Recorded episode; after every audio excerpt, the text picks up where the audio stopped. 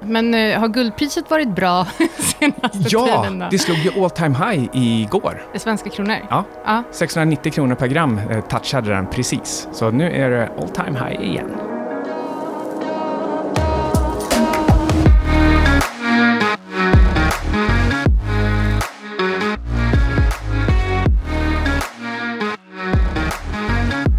Du lyssnar på Anti Lololololo podcast och nu tycker Micke att det tar lite för lång tid så nu kommer han presentera sig som Carl Mikael Syding igen. Eh, men du lyssnar i alla fall på mig, Anna Svan och Micke Syding. Det här är avsnitt 137. Säger eh, siffran dig 137 är någonting? Finstrukturkonstanten. Världens viktigaste siffra. nej, 42 är världens viktigaste siffra. Ja, den är svaret kan man säga på Ja, men finstrukturkonstanten. äh, om, in, om, om svaret på allting är 42, är inte det också det, kanske det viktigaste siffran då? Jo, men som de också säger i Liftarens guide till galaxen så är ju frågan, det är, liksom, det är det som är det viktiga, för 42 är lite svårt att använda. Okej, fast Frågan, frågan... är 137. Nej, jag tänkte jag skulle precis säga, frågan i det här fallet är väl inte 137? Nej, jag tror den var 6 gånger 9 Var där 6 gånger 9 tror Vet jag det blev frågan är? Vet du vad frågan är? Nej, Passion? passion. Ja, det är passion. Har man passion eller inte? Och har man passion så föll den. Har du inte passion så föll den inte. Allt föll. Eh, men eh, vi ska prata lite marknad och makro och andra grejer som vi aldrig tar upp i den här podden. Men jag skulle faktiskt vilja ge en liten shout-out till eh, en gemensam vän, Daniel Richter. Hurra! Strength Lab. Strength Log Log. Okej. heter appen. Använder Ja. du ens? Ja, Ja varje dag. Jag har använt den snart 250 dagar i rad. Vad är det sjukaste? Jag eh, har under hela våren och sommaren så fokuserade jag i princip bara på löpning. Men jag är ju en... Eh, lyfta skrot ligger ju mig närma, nära om hjärtat. Så nu vill jag gå tillbaka till något program. Eh, så nu är jag på vecka tre på deras bodybuilding ballet i med så här, fyra dagars pass. Eh, första veckan så höll jag på att somna sittandes överallt, för det var så tungt. Eh, men nu mår jag oerhört bra. Jag har hela tiden lite träningsverk överallt, men på, du vet, så här, på ett så pirrigt och skönt sätt. Det bara känns bra. Så shout-out. Är väldigt glad. Ja, vi får se om du är reflexiv på samma sätt som marknaden. Så att när det är som allra, allra bäst, det, det är då det plötsligt eh, kommer en eh, motreaktion. Alltså, jag har typ aldrig varit så lean som jag var i somras, och sen gick det ut för. Men det sa jag också hemma. Eh, jag pikade nu, men sen, eh, sen efter Ibiza-resan kommer det gå ut för. Det var lite så det blev också.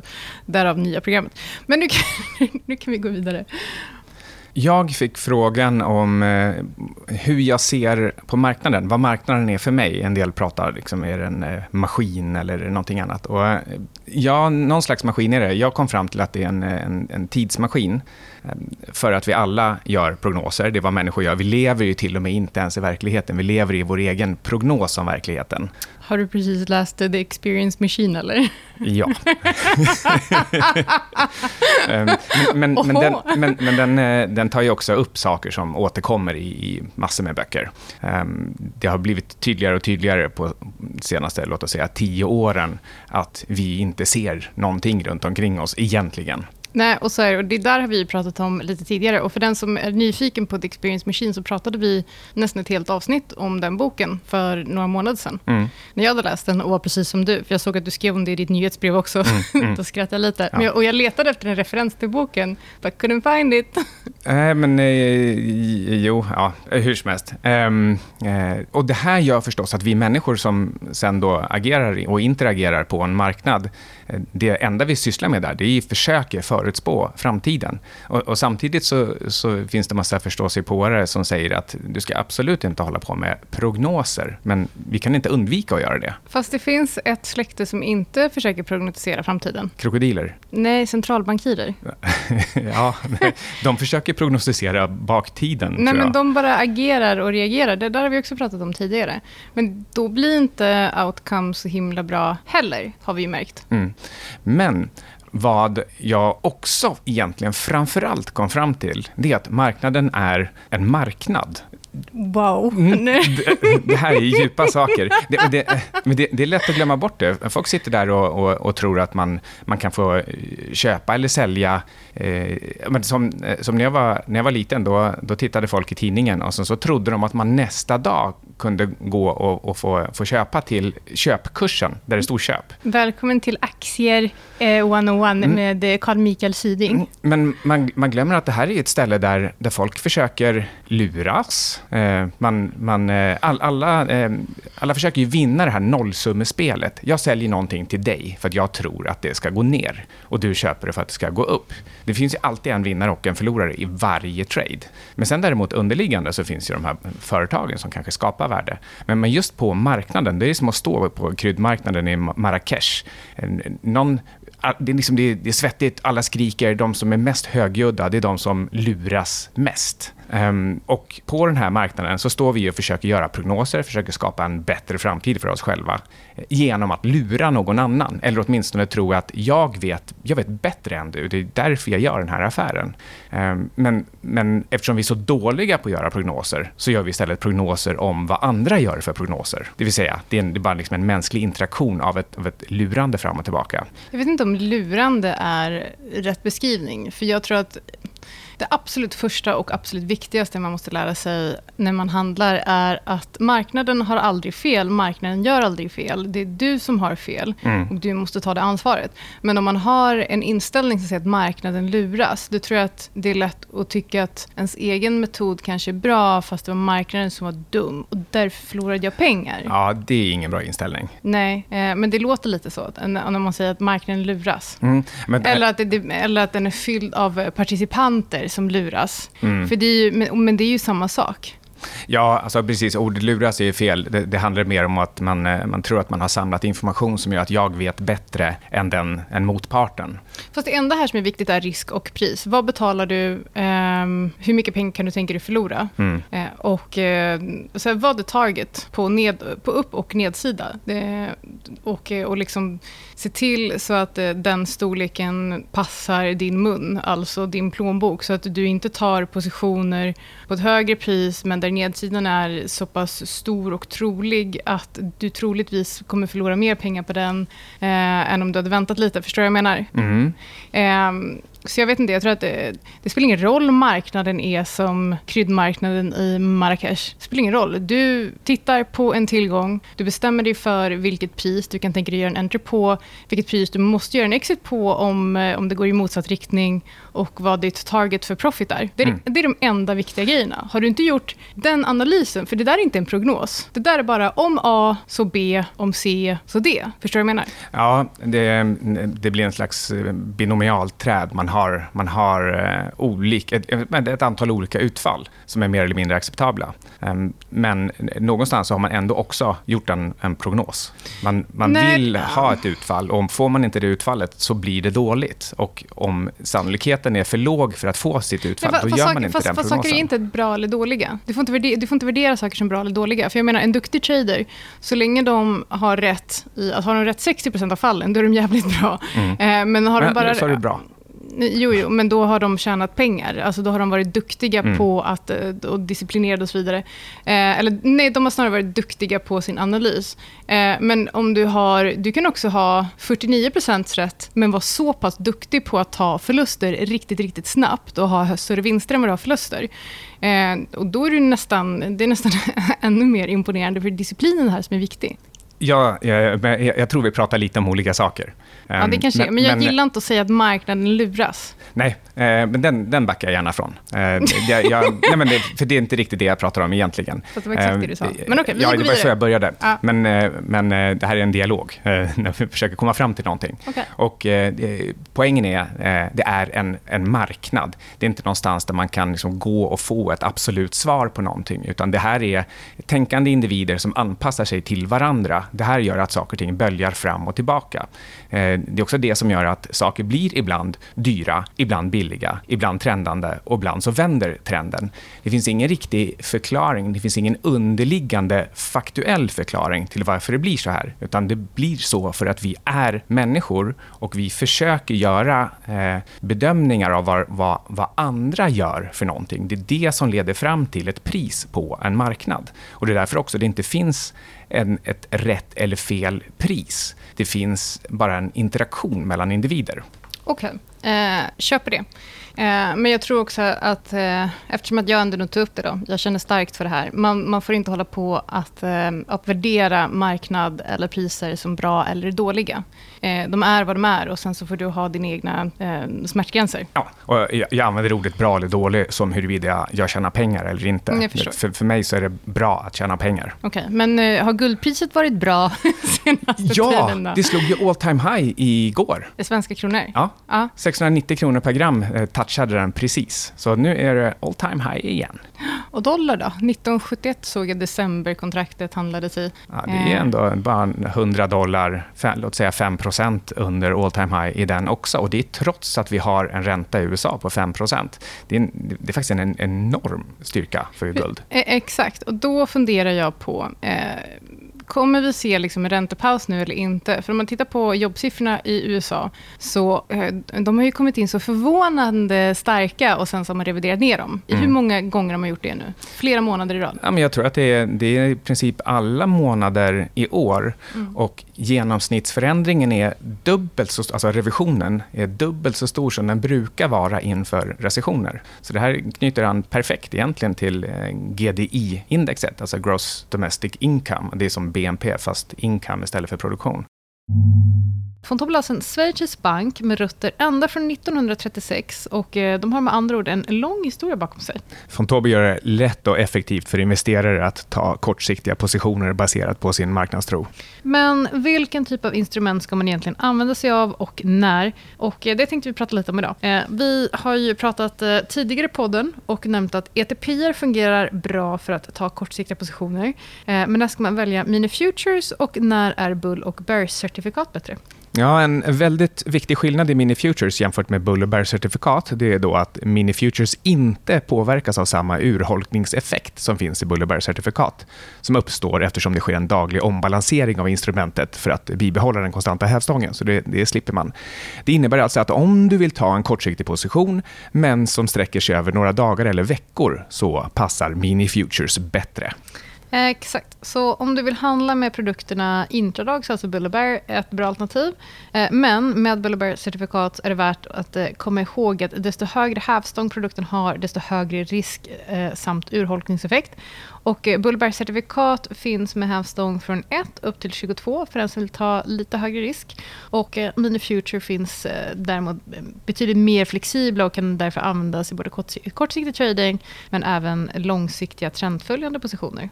Om du är intresserad av att ta kortsiktiga positioner med hävstång på till exempel index, enskilda råvaror eller aktier så har Fontobel ett stort utbud som du kan handla både till exempel på Nordnet och Avanza. Men tänk på att den här typen av instrument framförallt ska fungera som ett bra komplement till en mer långsiktig portfölj beroende på din önskade risknivå. Kom ihåg att du kan förlora större delar eller hela det investerade kapitalet när du handlar med hävstångsprodukter. Om du vill veta mer så kan du hitta information och mycket mer på markets.fontobel.com Finansiellt.com. Inget vi säger i det här programmet ska ses som en rekommendation att köpa eller sälja några finansiella instrument, då detta är reklam. Alla investeringar är förknippade med risk och du kan förlora hela eller stora delar av ditt kapital.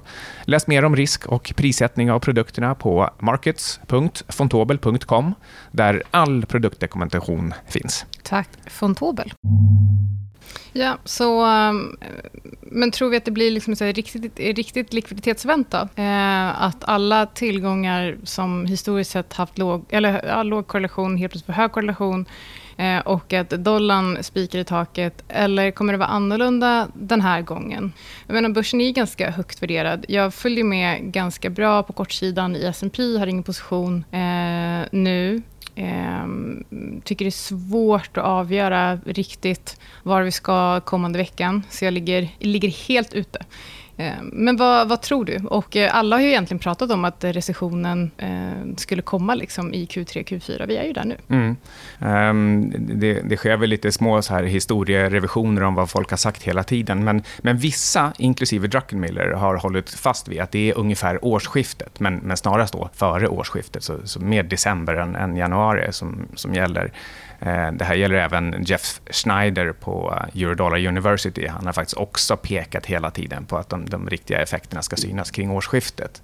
Men, men visst, många har också sagt, alltså så fort vi går in i H2 så ska det märkas att nu ändras företagsplanerna. Det man, alla som har hoppats på ett starkt H2, de ser förstås redan i juli att eh, nej, det blir inget starkt H2. Så, så, så egentligen kanske den borde ha varit här på något sätt i alla fall.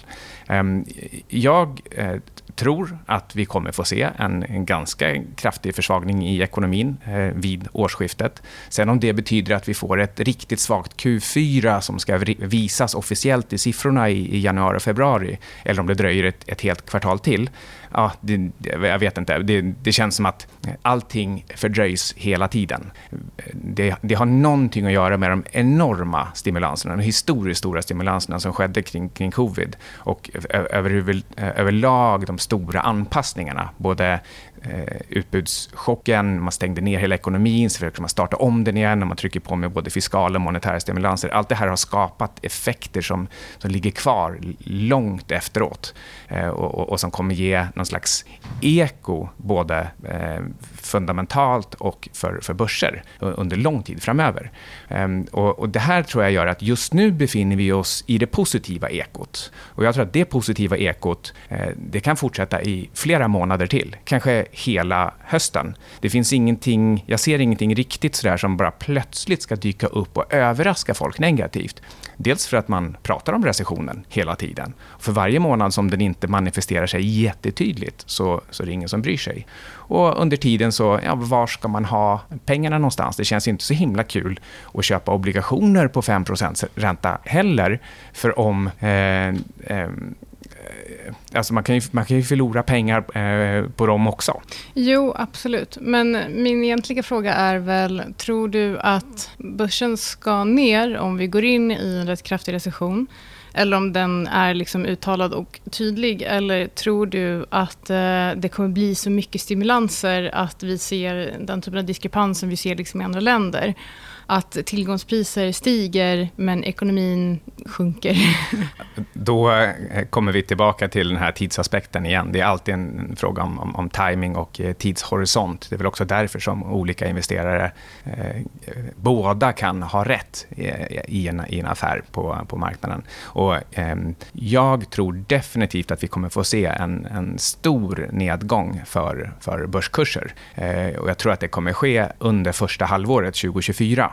Ehm, men om 2024 slutar ner eller inte, det, eh, alltså jag tror nog snarare att det kommer sluta upp 2024. Eh, så att det, här, det kan påminna om, eh, påminna väldigt mycket om både 2020 och 2022. Och egentligen så är det här varannat årt mönstret. Alltså vi hade en stor nedgång 2016 också och 2018. Men så fort det blir tillräckligt negativt, då vaknar centralbankerna och, och de, de har skapat en, en reflex i, i marknaden marknaden hos alla aktörer att så fort de vänder så gäller det att vara, vara med. Eller inte så fort, för just när de vänder då är det en signal på att oj, nu är det fara och färde. Och sen får man, får man vänta ett par månader innan, innan botten nås. Ja, men det kanske beror lite på hur mycket de stimulerar. Mm. För om du tittar på covid-kraschen, mm. så höll den på i en månad.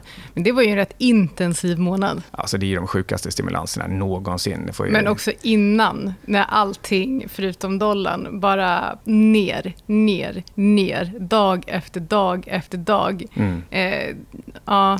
Men, men på tal om stimulanser då, kan man komma in lite grann på Kina. Eh, häromdagen så slog renminbin i 7,30 yuan mot dollar dollarn. Eh, det är det svagaste på 15-16 år. Eh, men de lyckades... Alltså det såg verkligen ut som att någon la ett tak på den där kursen. Eh, och Det är då förstås Kinas regering som ser till att den här ska inte printa på liksom någon decimal så att det blir sämre än det var för 16 år sedan, för då blir det för mycket rubriker. Men de gör inga riktiga stimulanser. Och just den här, det här reaktiva småduttandet, det är ett tecken på att Kina vill, eh, de vill manipulera informationen, men de vill inte stimulera. De vill inte ta i på allvar. För det, som jag pratade om förut, den här keynesianska bananen in the tailpipe. De tänker inte göra det misstaget två gånger. Ehm, och eh, det är också ett, ett exempel på eh, att det dröjer. Alltså det, måste, det måste bli så oerhört negativt innan man stimulerar på allvar. Eh, sen tror jag att USA kommer vara mycket, mycket snabbare med sin stimulans. Ehm, men, men innan vi får med Kina på banan så kanske, det inte, kanske inte uppgången kommer. Nej, och om det nu är så att Kinas ekonomi har liksom bromsat in så mycket som det verkar som att den har, så kommer det också få rätt stora effekter på Eh, på råvarupriserna. Nu har ju råvaror tillsammans då med, eh, med börsen lite grann eh, vaknat till liv. Eh, också stigit eh, en del. Så att, en sak som jag tittar på är ganska mycket korrelationsmönstret mellan de här olika tillgångarna som i normala fall har ganska låg korrelation. Nu ligger, eh, nu ligger råvaror mot S&P på typ 0,75 vilket är ganska högt om du jämför historiskt. Jag tror att historiskt ligger det kring 0,06 eller något sånt där. så att Ja, hur, ja. hur snabbt brukar de här korrelationsmönstren svänga?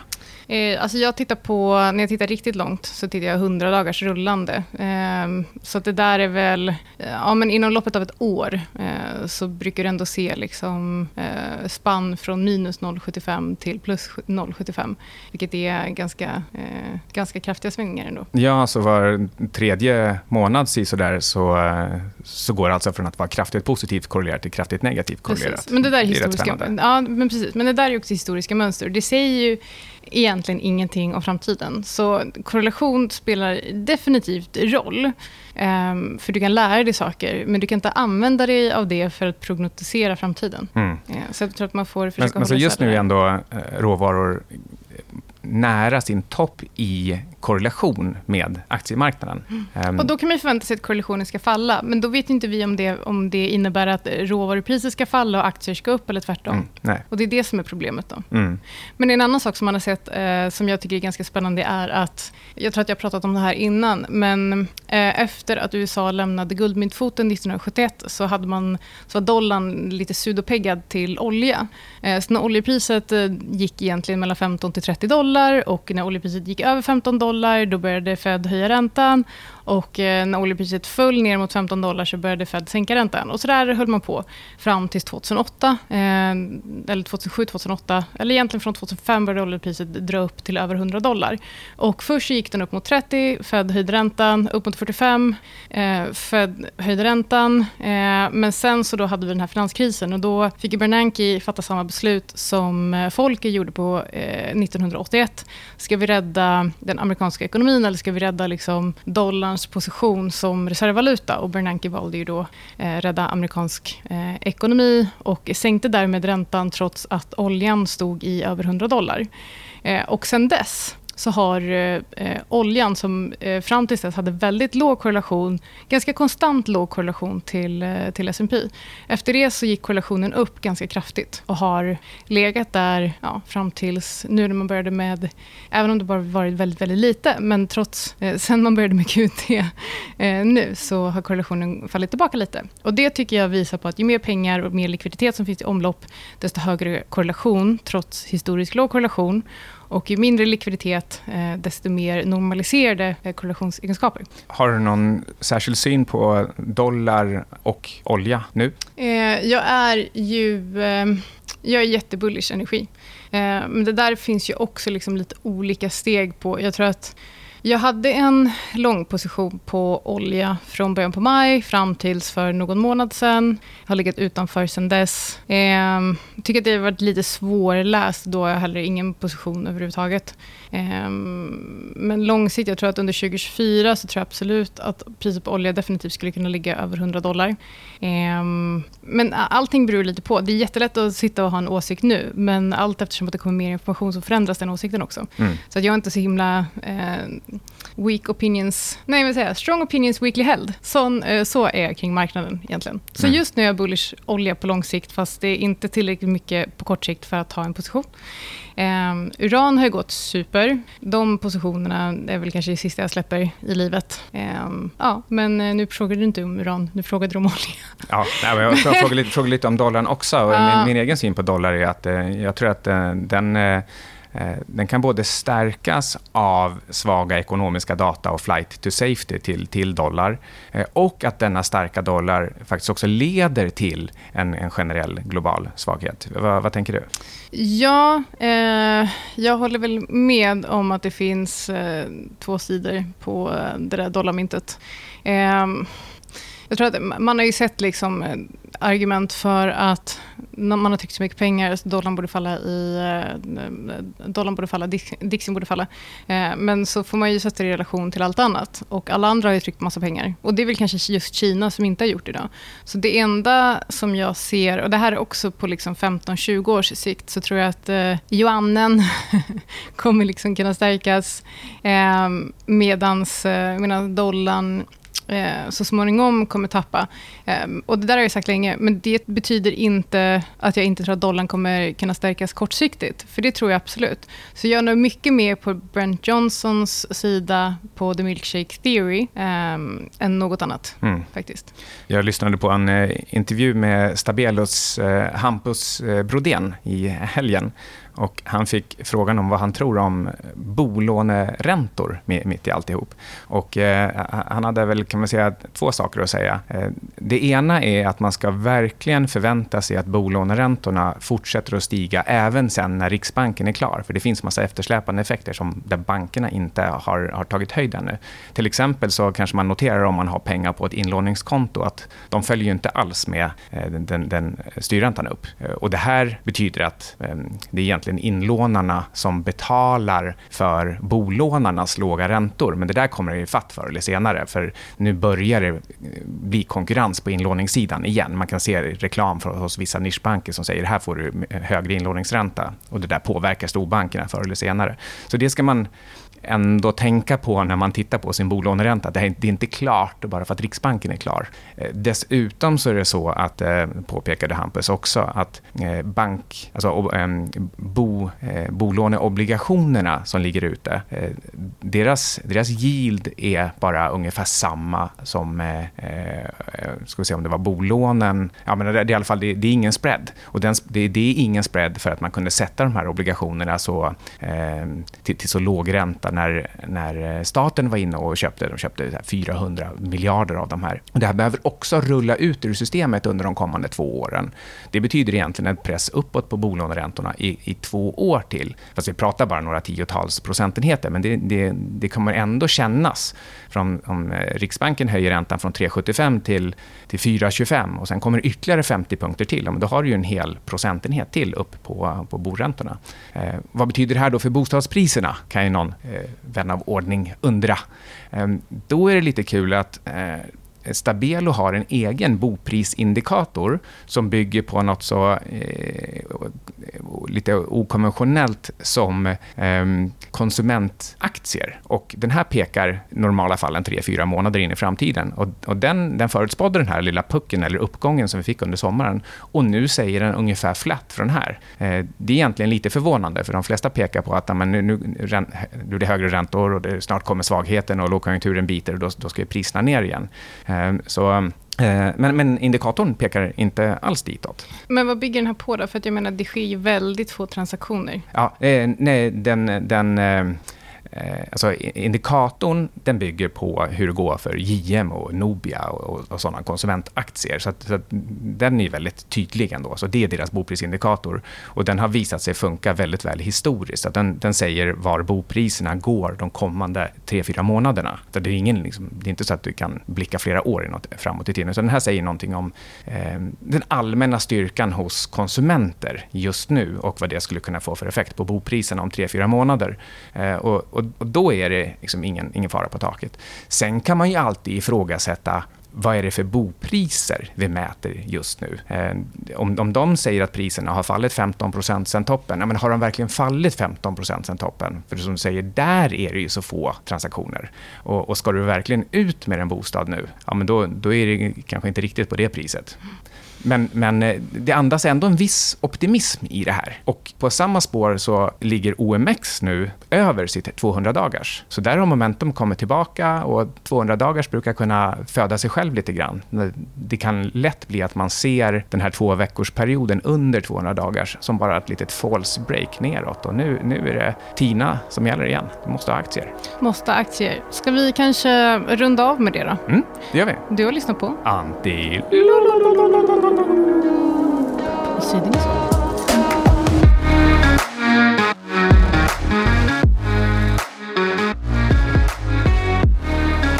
Tänk på att ingenting du hört i den här podden är någon rekommendation att köpa eller sälja finansiella instrument.